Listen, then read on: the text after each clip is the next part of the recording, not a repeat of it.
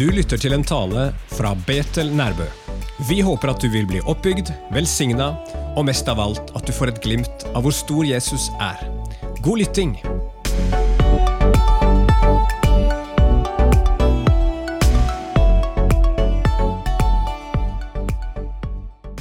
Fint å se dere alle sammen.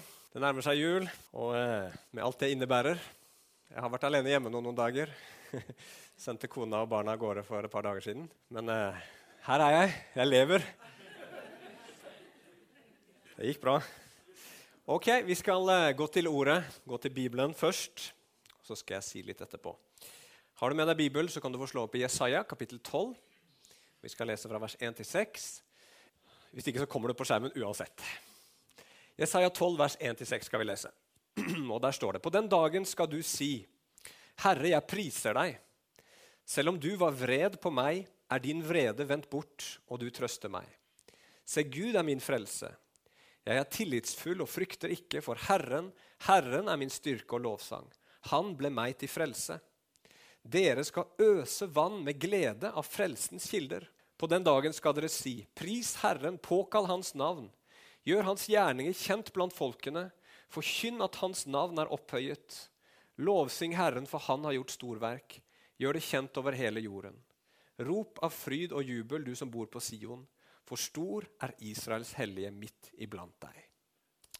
Ja, kjære himmelske Far, nå kommer vi til deg, her og ber om at du gjennom dette vidunderlige ordet som du har gitt oss, Bibelen, skal tale til våre hjerter, Herre. At du skal åpenbare deg selv.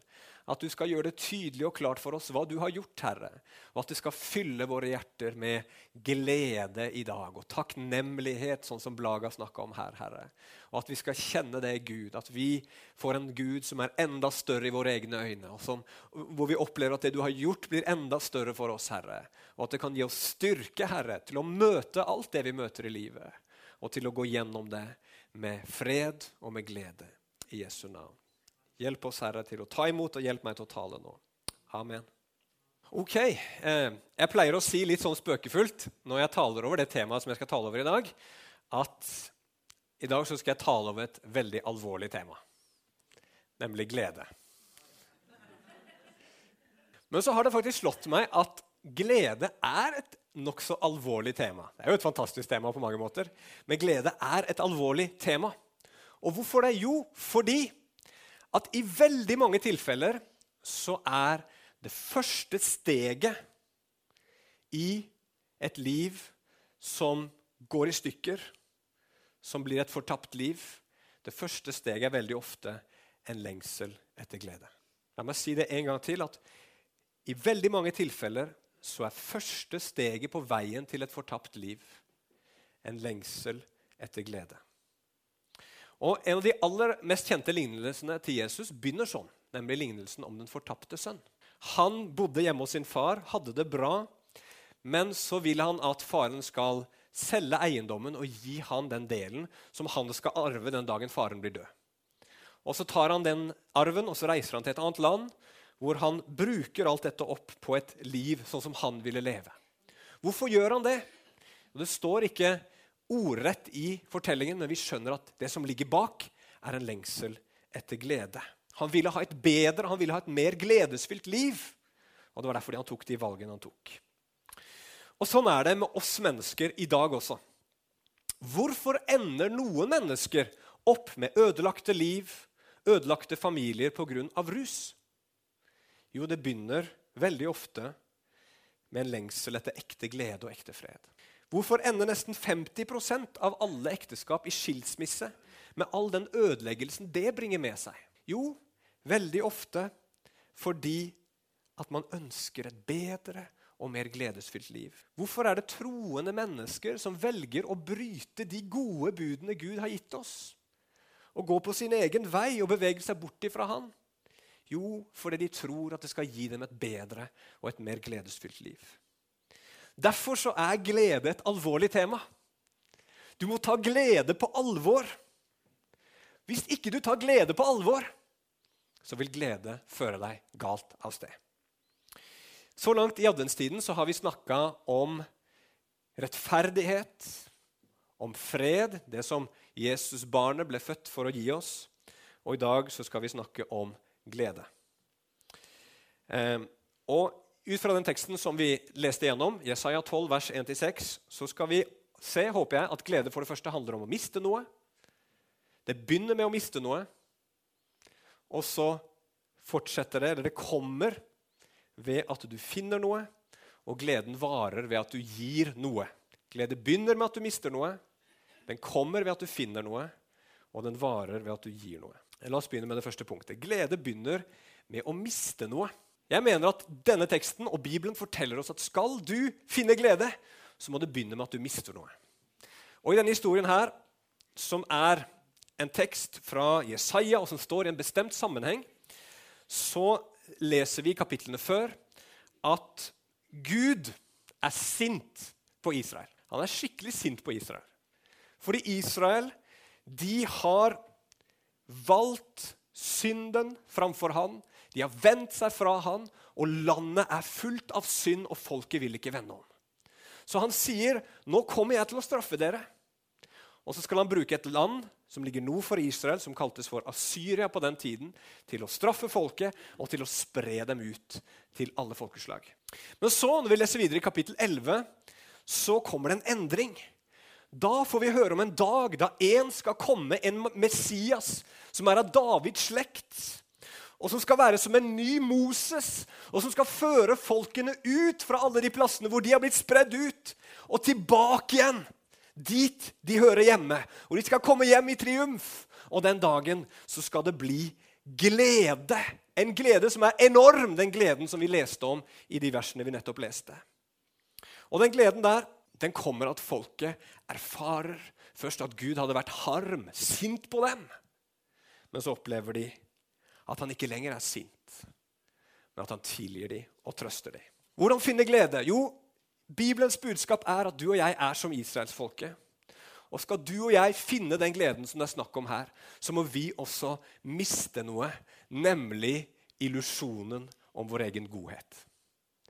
Skal du finne glede, så må du miste den illusjonen du har, jeg har, om at vi innerst inne er gode. Du og jeg trenger å innse at Gud i utgangspunktet er sint på oss, og at han har grunn til det. Det er en veldig bibelsk sannhet, og den er vital hvis du skal finne den gleden som Bibelen snakker om. Nå er Dette her en veldig upopulær læresetning. Du hører det veldig lite, men Bibelen sier det klart og tydelig. Men som vi skal se, det blir veldig bra. Hvorfor er Gud harm? Hvorfor er Gud sint på oss mennesker? Jo, Gud han er sint på oss pga. synden, sier Bibelen. Og synd i Bibelen er mer enn at du og jeg bare gjør en del dumme ting innimellom. Synd i Bibelen er mer som kreft. Kreft er en sykdom som oppstår når noen av cellene i din kropp bestemmer seg for at de ikke lenger vil lyde kroppens kontrollfunksjoner, men leve sitt eget liv. Bestemmer selv når de skal dele seg, og hvor ofte og hvor fort de skal dele seg. Og så kjører disse cellene sitt eget løp inni kroppen din og så ødelegger det kroppen din. Og vet dere at Det er det du og jeg også gjør. Når, synd, når, når synden har kommet inn i våre liv, så er det at vi slutter å lyde Gud. Og vi kjører vårt eget løp. Vi gjør som vi sjøl vil. Og så bringer det all den ødeleggelsen som denne verden er full av. Jeg kan si det på en annen måte. Gud skapte deg for det gode. Gud skapte deg for skjønnhet. Gud skapte deg for glede. Men så har vi valgt istedenfor å kjøre vårt eget løp og finne disse tingene på vår egen vei, på, vår egen måte. Og så ender vi opp med ondskap, det som ikke er vakkert, det som er stygt, og tomhet. Og så vil vi ikke innrømme vår egen feil. Og da har Gud all rett til å være sint. Han har all rett til å gi oss det vi fortjener. All rett til å gi oss en evighet hvor vi får konsekvensen av vår egen udugelighet, ugudelighet, vår egen hardhet. Det sier Bibelen. Å innse det er begynnelsen på glede. Hvorfor det? Vel, jeg har flytta inn i ganske mange hus og leiligheter opp igjennom i mitt liv. Men bare én gang da jeg flytta inn, så var jeg så glad at jeg hoppa og sang og dansa. Og selv om sikkert mange av dere håper på det, så var det ikke da jeg flytta til Nærbø.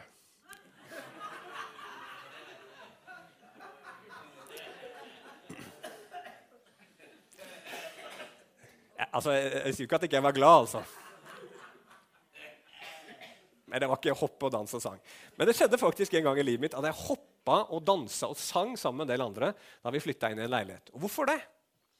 Jo, da var jeg eh, i eh, Sør-Frankrike, i en by som heter Marseille. En eh, veldig spesiell by, kjent for mye kriminalitet og vold og elendighet. Der var jeg misjonær. og Pga. en del spesielle omstendigheter så havna jeg og det teamet jeg var sammen med, på gata. Rett og slett på gata. Altså, vi, vi hadde ikke noe sted å bo, og alle eiendelene våre lå bare en haug på gata. Og vi hadde ikke noe sted å gå, å gå i det hele tatt. Og ikke nok med det, men Mens vi sto der på gata i Marseille, en av de verre bydelene, så samla det seg en flokk med, med, unge gutter som oppførte seg på en lite behagelig måte. Hva gjør du da?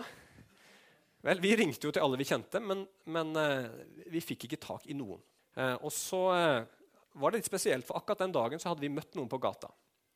Vi var ute og, forkynte evangeliet på gatene, og, og, noen ganger så kom det kristne bort og oppmuntra oss. Og Det hadde skjedd akkurat den dagen. der. Det kom noen kristne til oss, en kristen jente som sa så bra det dere driver med. Her er telefonnummeret mitt. Hvis dere noen gang har behov for noe, så ring meg. Og liksom, Her sto vi. Tenkte vi ja, ja. vi kan jo prøve. Og så ringte vi.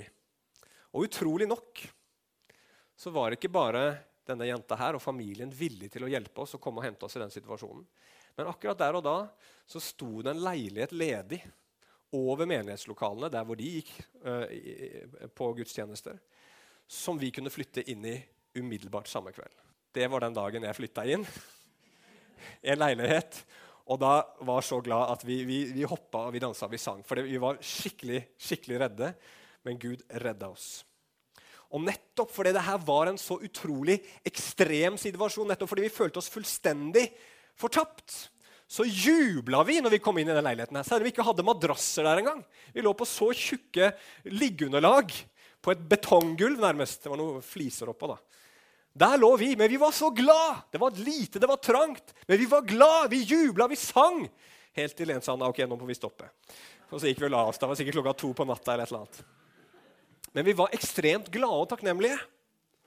Og vet du hva, Hvis du skal ane noe av gleden i det å være frelst av Gud, så må du forstå hvor alvorlig din situasjon var før du ble frelst. Du og jeg var på vei til evig fortapelse, og Gud skyldte oss ingenting. Om han bare hadde latt oss seile i vår egen sjø og fortsette i den elendighet og ødeleggelse som vi var på vei inn i, så hadde han gjort alt rett. Han hadde all grunn til å gjøre det. Og det som verre er at Gud er sint fordi han er god, fordi han er kjærlighet. Og vi er fullstendig ute av stand til å gjøre noen ting som helst med det sjøl. Vi kan ikke redde oss selv. Hvis Før du og jeg forstår det der, så er det vanskelig å virkelig erfare den gleden som Bibelen snakker om. Men det er bare begynnelsen på gleden. Og vi skal snakke om hva som faktisk gjør at du erfarer gleden. For gleden handler ikke bare om å miste noe, miste illusjonen om din egen godhet og se at du er fortapt. Men gleden kommer ved å finne noe. Finne hva da?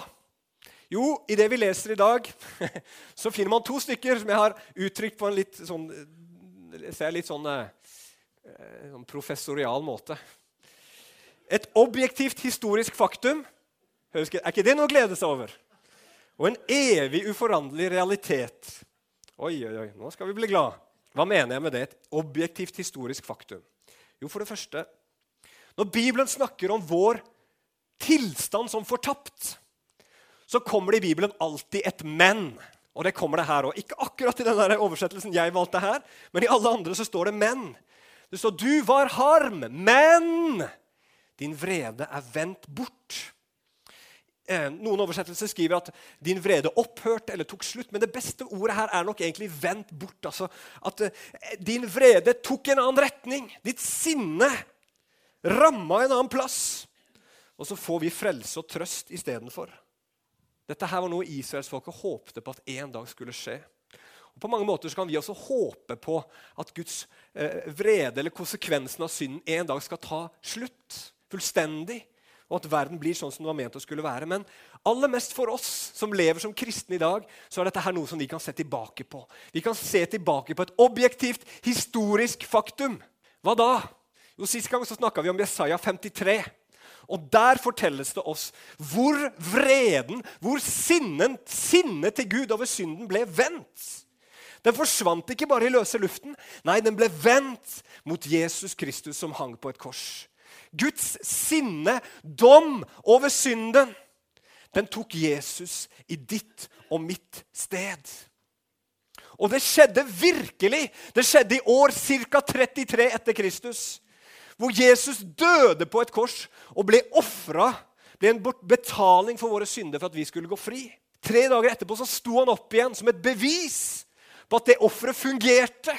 Og at syndens makt var brutt, og dødens makt var brutt. Jesus hadde seira. Dette er noe som faktisk virkelig skjedde. Dette skjedde for 2000 år siden. Det er en ta-og-føle-på-virkelighet.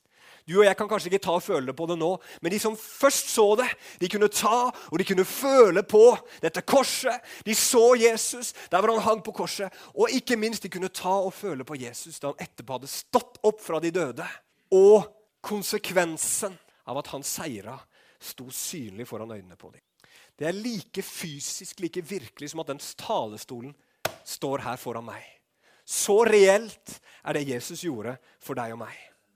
Så din og min glede over å bli frelst og bli tilgitt alle våre synder, den er ikke bare grunnlagt i noen, eh, noen eh, liksom, ideer eller tanker som Gud har om kjærlighet og, og, og frelse og glede, eller fine ord eller følelser i Guds hjerte, men noe som faktisk skjedde. Det er grunnlaget for din glede. Gud var virkelig sint. Du var virkelig i trøbbel, men Gud sendte sin sønn til jorda. Han ble et menneske som deg og meg. Gud nagla han til korset. Ved menneskers hender, står det. Med våre hender ble han nagla. Og Gud aksepterte Jesu død i ditt og mitt sted. Og han viste det ved å reise Jesus opp fra de døde, som seier her over døden. Sånn at du skulle få evig liv. Gud er ikke sint på deg lenger. Gud elsker deg og Gud er for deg. Og Hvis du ser at dette her er like reelt og virkelig som den stolen du sitter på, så finner du et grunnlag, en kilde, til glede som ingen kan ta fra deg. Men ikke nok med det. Du har mer å finne, nemlig en evig og uforanderlig realitet. Og da ble du sikkert glad når du hørte det.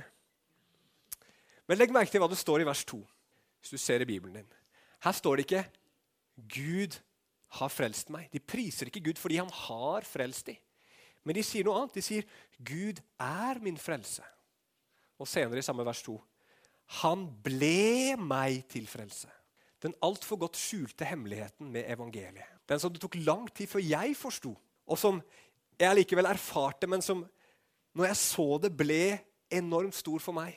Og det var at da Jesus kom til jorda, så kom han ikke først og fremst for å tilgi våre synder. Han gjorde selvsagt det, men det var ikke det som var endemålet.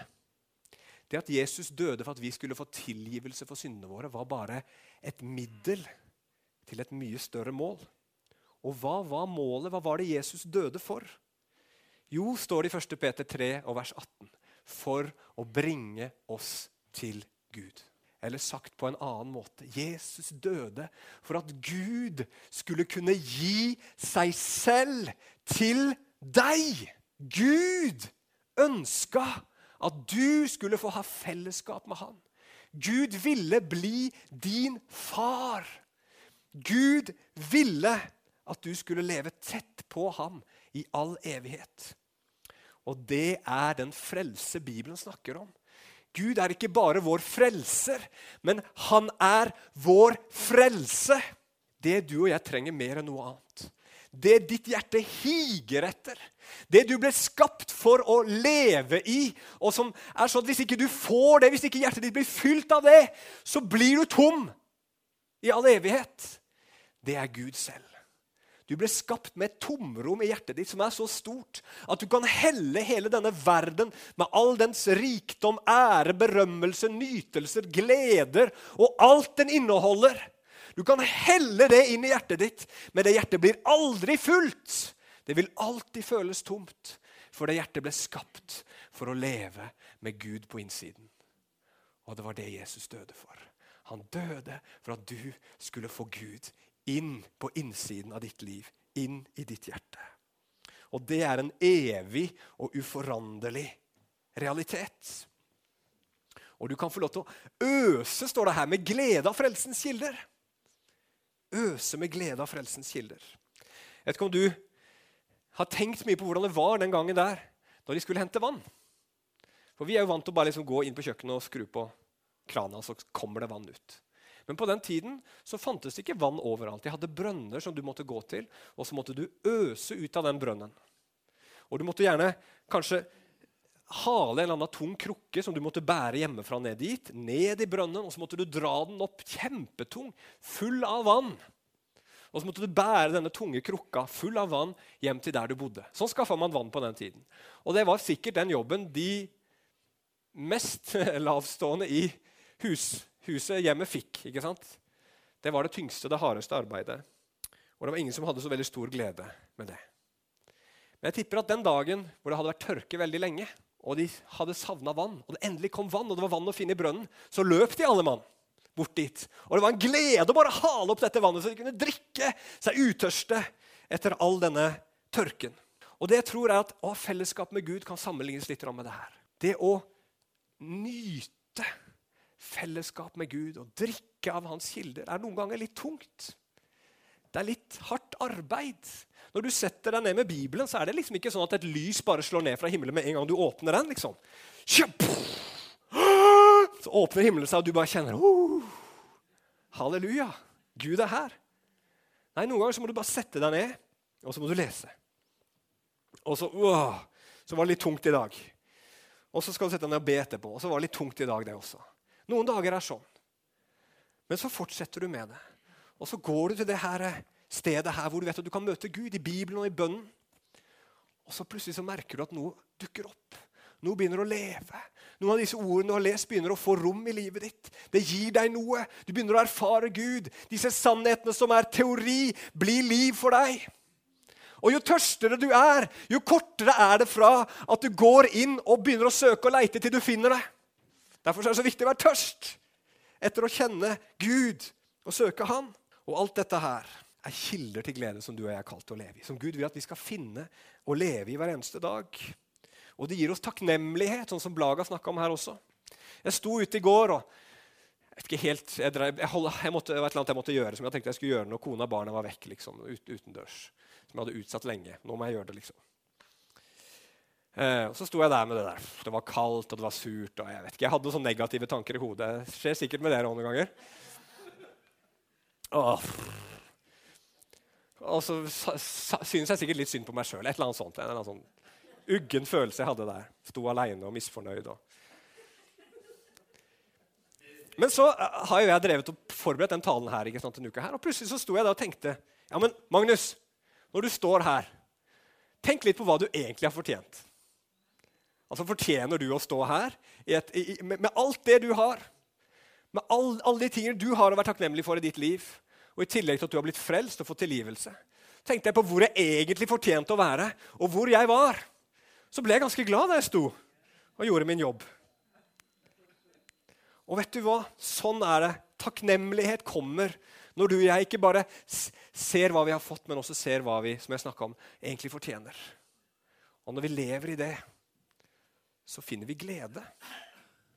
Tenk på det stadig vekk. Hva er det jeg egentlig har fortjent? Og hva er det jeg egentlig har fått av Gud? Og da vil du i alle situasjoner se at du har fått noe mye bedre enn det du har fortjent. Utrolig mye bedre. Mennesker som sitter i fengsel for Jesu navns skyld. De sitter der og de har sånne tanker. Kan, du kan sitte i et fengsel og være full av selvmedlidenhet, men disse som sitter i fengsel, de forfulgte brødrene og søstrene våre, de finner veldig ofte styrke i det å tenke på at Gud er god. For om jeg sitter her og lider for hans navns skyld, så er det bare en velsignelse. Det er sånn en glede sammenligna med det jeg egentlig har fortjent. Ok, La oss gå til det siste punktet. Glede varer ved å gi noe. Jesus han sa at det er større glede å gi enn å få. Og Det har du sikkert erfart. Å gi noe, dele noe med andre, gir masse glede.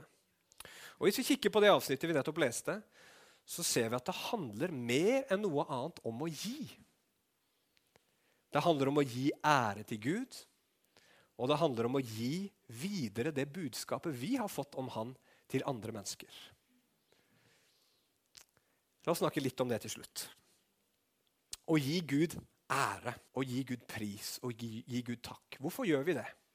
Vel, For det første så er det bare et resultat av den erfaringen av å bli frelst av Gud. Eh, for å gå tilbake til min fortid i Frankrike da, så hadde jeg en veldig interessant episode med teamet mitt. Vi var ute og gikk tur i et sånt fjellområde nede ved havet. Og der var det veldig bratt. Jeg fatter ikke at det var lov å gå der. For det var, og noen steder så var det bare mange, mange eh, titalls meter rett ned. Og så hadde de satt opp noen stålveier og sånt du skulle holde deg i. da, i noen bratte, glatte områder. Så gikk vi denne turen, og så hadde vi en på teamet som hadde veldig høydeskrekk. Og Så kommer vi til et sted hvor denne stålvaieren hadde blitt slitt over uh, og, og, og, hadde løsna, og noen hadde festa den med en knute til, som til neste feste. Så man måtte gå det første stykket uten stålvaier og holde seg. Og denne jenta fikk panikk. Altså, det var hardt nok for henne som det var. Hun kunne klamre seg til denne stålvaieren. Men her var det ingen stålvaier, og, og, og, det gikk bare ikke. Og, det var rett ned. altså. Vi sto der og kikka. Rett ned. Her skulle vi ned jeg vet ikke, fem-seks meter. Og det var såpeglatt, for der er så mange mennesker gått. Og så var det liksom to meter ned til den første delen av den vaieren. Så der skulle vi prøve å få denne jenta ned. Og vi, og vi sto der og vi kikka, og jo mer vi kikka, jo reddere ble hun. Og jo verre ble det, for det var seint på kvelden, og, eller det var i hvert fall på ettermiddagen. Og jeg begynte å tenke hva, hva gjør vi nå? Vi kommer jo oss ikke forbi dette stedet her. Og mens vi satt der, så kom det noen mennesker forbi, da, og de hadde med seg klatreutstyr. Og vi spurte kan dere hjelpe oss. Please, vi klarer ikke dette her. Og eh, de eh, hadde dårlig tid, men de bestemte seg for å hjelpe oss allikevel. Da. Så da gikk de med denne jenta her og brukte klatreselen og alt mulig. Liksom, fikk henne ned, og Hun skalv hele veien. Stakkar. Hun var helt, helt sånn sammenkrøpet. Og de hjalp henne ned og kom liksom ned de seks meterne. Oi, oi, oi. Men så glad hun var når vi var der nede. Hun var så glad, hun glemte de, og det var liksom bare fryd og glede. Og vet du hva? Pris og ære til Gud når vi takker Han, det er noe som kommer spontant når du erfarer den virkeligheten i det Gud har gjort for oss. Og jeg tror Det er så viktig at vi som er kristne, forventer at vi kan erfare sannheten i det vi tror på. Ikke at vi skal bygge vårt kristenliv på følelser og liksom gå med, med, den bølgedalen det er. For jeg kan jo med hånda på hjertet si at det er ikke alltid jeg erfarer at, at, at dette er sant. Men jeg har erfart det mange ganger i løpet av livet mitt. Erfart den gleden det er å kjenne at jeg er frelst. Og den bør vi søke også. Be Gud. La meg få se, la meg få erfare, la meg smake og se at du er god, sånn som Bibelen sier. Men samtidig så står det her også For det står her, ikke sant Du trøsta meg, står det her. De, de, erfarte det virkelig, de som vi leser om i den teksten her. Du var harm på, deg, på meg, men din vrede ble vendt bort, og du trøsta meg. Så de erfarte trøst. Men så er det også sånn at det å, å prise Gud, det å gi Gud ære som en kilde til glede, det er også noe vi gjør fordi Gud sier vi skal gjøre det. Prise Gud er bare noe du gjør fordi Gud sier at vi skal prise Han. Og ikke bare skal vi prise Han fordi Han sier vi skal gjøre det, for det er virkelig, det er en realitet om vi føler det eller ikke. Men så skal vi også kunne ta inn over oss konsekvensene av den frelsen i vår lovprisning. Ikke bare pris Gud for at han har frelst deg, men tenk over hva det betyr i ditt liv. Gjør du og jeg det? For Vi kan si ok Gud, jeg priser deg, jeg takker deg for du har frelst meg. Det er jo kjempebra. Men tenk over hva det betyr. For det gjør nemlig de som skriver her. De sier i, eh, i vers 2 at Gud er min frelse, jeg er trygg og trenger ikke frykte. Hvis Gud er din frelse, så kan du være trygg, og du trenger ikke frykte. Hvorfor det? Jo, fordi hvis det var sånn at Guds frelse var noe Gud hadde gitt deg, La oss si at Guds frelse var god helse. Guds frelse var trygghet i, i, i nok eiendeler for å klare deg til det daglige liv. Guds frelse var økonomisk trygghet, et behagelig liv, et godt rykte. Alle mulige sånne ting. Da vil du aldri være helt trygg. Fordi absolutt alle de tingene kan bli tatt fra deg. Absolutt alle de tingene kan du miste, og vil kanskje antageligvis miste på et eller annet tidspunkt òg. Men hvis din trygghet er i Gud. At han er din frelse. Han er ditt liv. Han er den du trenger mer enn noe annet. Da kan du være absolutt trygg og ikke frykte. For ingen kan ta Gud ifra deg. Ingen kan skille deg fra hans kjærlighet. Ingen kan rive deg ut av hans hånd. Så når du priser Gud, ikke bare pris litt sånn tankeløst, men tenk over hva betyr det Gud har gjort for meg her og nå, og takk Han for det! Amen. Da merker du at gleden våkner i livet ditt. Og så må vi gi budskapet til andre. Og Det kaller vi evangelisering, og det er veldig få mennesker som knytter glede og evangelisering sammen. Hvis, hvis man sier i en menighet nå skal vi begynne med evangelisering Neste lørdag vi, møtes, vi møter der og der, alle sammen. Jeg kan love at det blir ikke full applaus i menigheten da. Folk bare ser ned. Å, jeg håper jeg skal noe på lørdag. Håper det er et eller annet som kommer i veien. For det vil jeg veldig gjerne slippe. Men det er jo ikke rett for oss å holde disse gode nyhetene for oss selv. er det det? Vi må fortelle til andre mennesker. Og ofte når jeg skal fortelle evangeliet, enten når jeg går ut på gata er med på gateevangelisering, eller når jeg er i en eller annen sammenheng og kjenner nå vil jeg fortelle om Jesus, så er det alltid litt ubehag knytta til det. Jeg blir alltid litt nervøs. Men når jeg først kommer i gang og får fortelle om hvem Jesus er, og hva han har gjort for meg, så opplever jeg glede. Prøv det! Når du forteller til andre mennesker hvor bra det er å være en kristen, hvor bra det er å kjenne Jesus, så, så taler du jo til deg sjøl. Tenker du, oh, dette er jo kjempebra. Dette er jo det beste som fins. Og så blir du sjøl glad. Og vet du hva, Når du møter mennesker som har problemer, gjør det til din vane. Ikke å ta denne personens problemer på dine skuldre, for det er slitsomt. Og du kan antageligvis ikke løse så veldig mye av de problemene som den personen har. Men gjør heller det som jeg som pastor får lov til å gjøre veldig ofte. Nemlig ikke selv å presentere meg sjøl som løsningen eller si her, her, har jeg en eller annen måte kan, ditt problem kan løses på men heller peke på Jesus og si han er løsningen. Han er veien. Det er han du trenger. Så blir du glad sjøl òg, når du bare ser inn i deres situasjon. et menneskes situasjon. Se her! Budskapet om Jesus, evangeliet, kan gi deg trygghet i denne situasjonen. Jeg ser alt, alt det vonde vanskelig har skjedd, men du kan være trygg. Hør! For Jesus har gjort det og det og det og det. Og den situasjonen ser håpløs ut, jeg vet det, men du kan ha håp. For Jesus har gjort det og det og det og det. Og så blir jeg glad, og så får disse menneskene håp og trøst og glede også. Så det å gi evangeliet det er en kilde til å holde gleden over at Jesus er i ditt liv, varm. Derfor er det så dumt når vi er så redde og ikke deler det Jesus har gjort med andre. Så la oss gi med glede til andre, og så vil du erfare at din glede også varer. La meg avslutte med å komme tilbake til historien om den fortapte sønnen. Fortapte sønnen han fant ikke gleden når han lette etter den. Men allikevel så ender historien med at han finner glede. Hvordan finner han glede? Jo, han finner glede når han istedenfor å søke glede bestemmer seg for å oppsøke sin far og be om tilgivelse. Og Da kommer faren han i møte, løper og, og, og, og kaster seg om halsen på han. Og Så gir han han nye klær. Han var sikkert skitten og fillete kledd. Og så lager de en stor fest for han. Han finner glede. Han fant glede ikke ved å søke gleden, men ved å søke sin far. Vet du hva ditt og mitt problem er i forhold til glede? At Det problemet som vi om i begynnelsen med synd, gjør at du og jeg har et ødelagt gledeskompass på innsiden. Vi vet at vi trenger glede. Alle mennesker kjenner et behov for å erfare glede hele veien. Men fordi dette gledeskompasset på innsiden er ødelagt, så søker vi glede istedenfor å søke det vi burde søke, nemlig kilden til glede. For når vi søker glede, så søker vi å finne glede i veldig mange ting som ikke har i seg en sann kilde til glede. Og det fører veldig ofte til at det går i stykker for oss. Men du og jeg må oppdage om å se at den gleden vi lengter etter, finner vi i Gud selv. Når vi søker Gud. Når vi søker å kjenne Gud, forstå hvem han er, forstå hvem, hva han har gjort, så finner vi glede. Men ikke gå til Gud og si Gud, eh, det er bra med deg, men det er egentlig gleden jeg vil ha. Og gjør Gud som et middel til et mål. Si ja, Gud, eh, eh, veldig bra, liksom, kan du gi meg denne gleden nå? Veldig bra alt det du sier. jeg vil gjerne høre på det. Ja, ja, ja, mm, hvor blir denne gleden, Gud? Liksom? Skjønner Du Du må gå til Gud og søke Han for hans skyld. Si, Gud, jeg vil lære deg å kjenne. Ikke for at jeg skal få noe tilbake fra det, eller at det skal gi en annen psykologisk effekt i livet mitt, men bare for du er verdt å kjenne. Og Når vi søker Gud på den måten der, da dukker plutselig gleden opp i våre liv. Da oppdager vi at han er gledens kilde. Så det jeg har lyst til å si nå som vi går inn i jula, det er ta gleden din på alvor ved å hele tiden søke Gud. Da vil du finne sann og vare glede. Og Hvis du ikke gjør det, så er ditt hjerte bare sånn Det er sånn Glede, glede, glede, glede. Hvor er glede, hvor er glede, hvor er glede? hvor er glede, hvor er glede? Ikke sant? Hvis ikke du fyller dette hjertet ditt med Gud, så vil ditt hjerte rope og skrike, og du blir dratt inn i et eller annet som ikke bare leder deg bort fra Gud, men faktisk også leder deg bort fra gleden.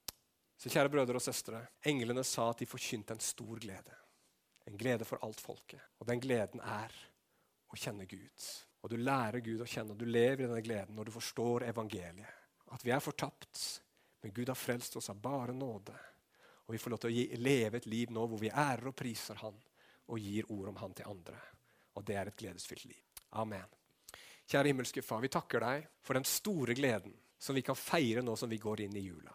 Og Herre, jeg ber om at Din Hellige Ånd skal virke på våre hjerter, slik at vi ser at vi ser at alle våre kilder er i deg. At vi ser hvordan vi holder på å søke denne gleden hele tiden. Men at vi veldig ofte kjenner på tomhet og skuffelse og all slags mulig elendighet. Men at det er når vi søker deg, Gud, først, at gleden kommer etterpå. Gjør oss visere, Herre. Hjelp oss til å leve på den måten. Vi ber om det i Jesu navn. Amen.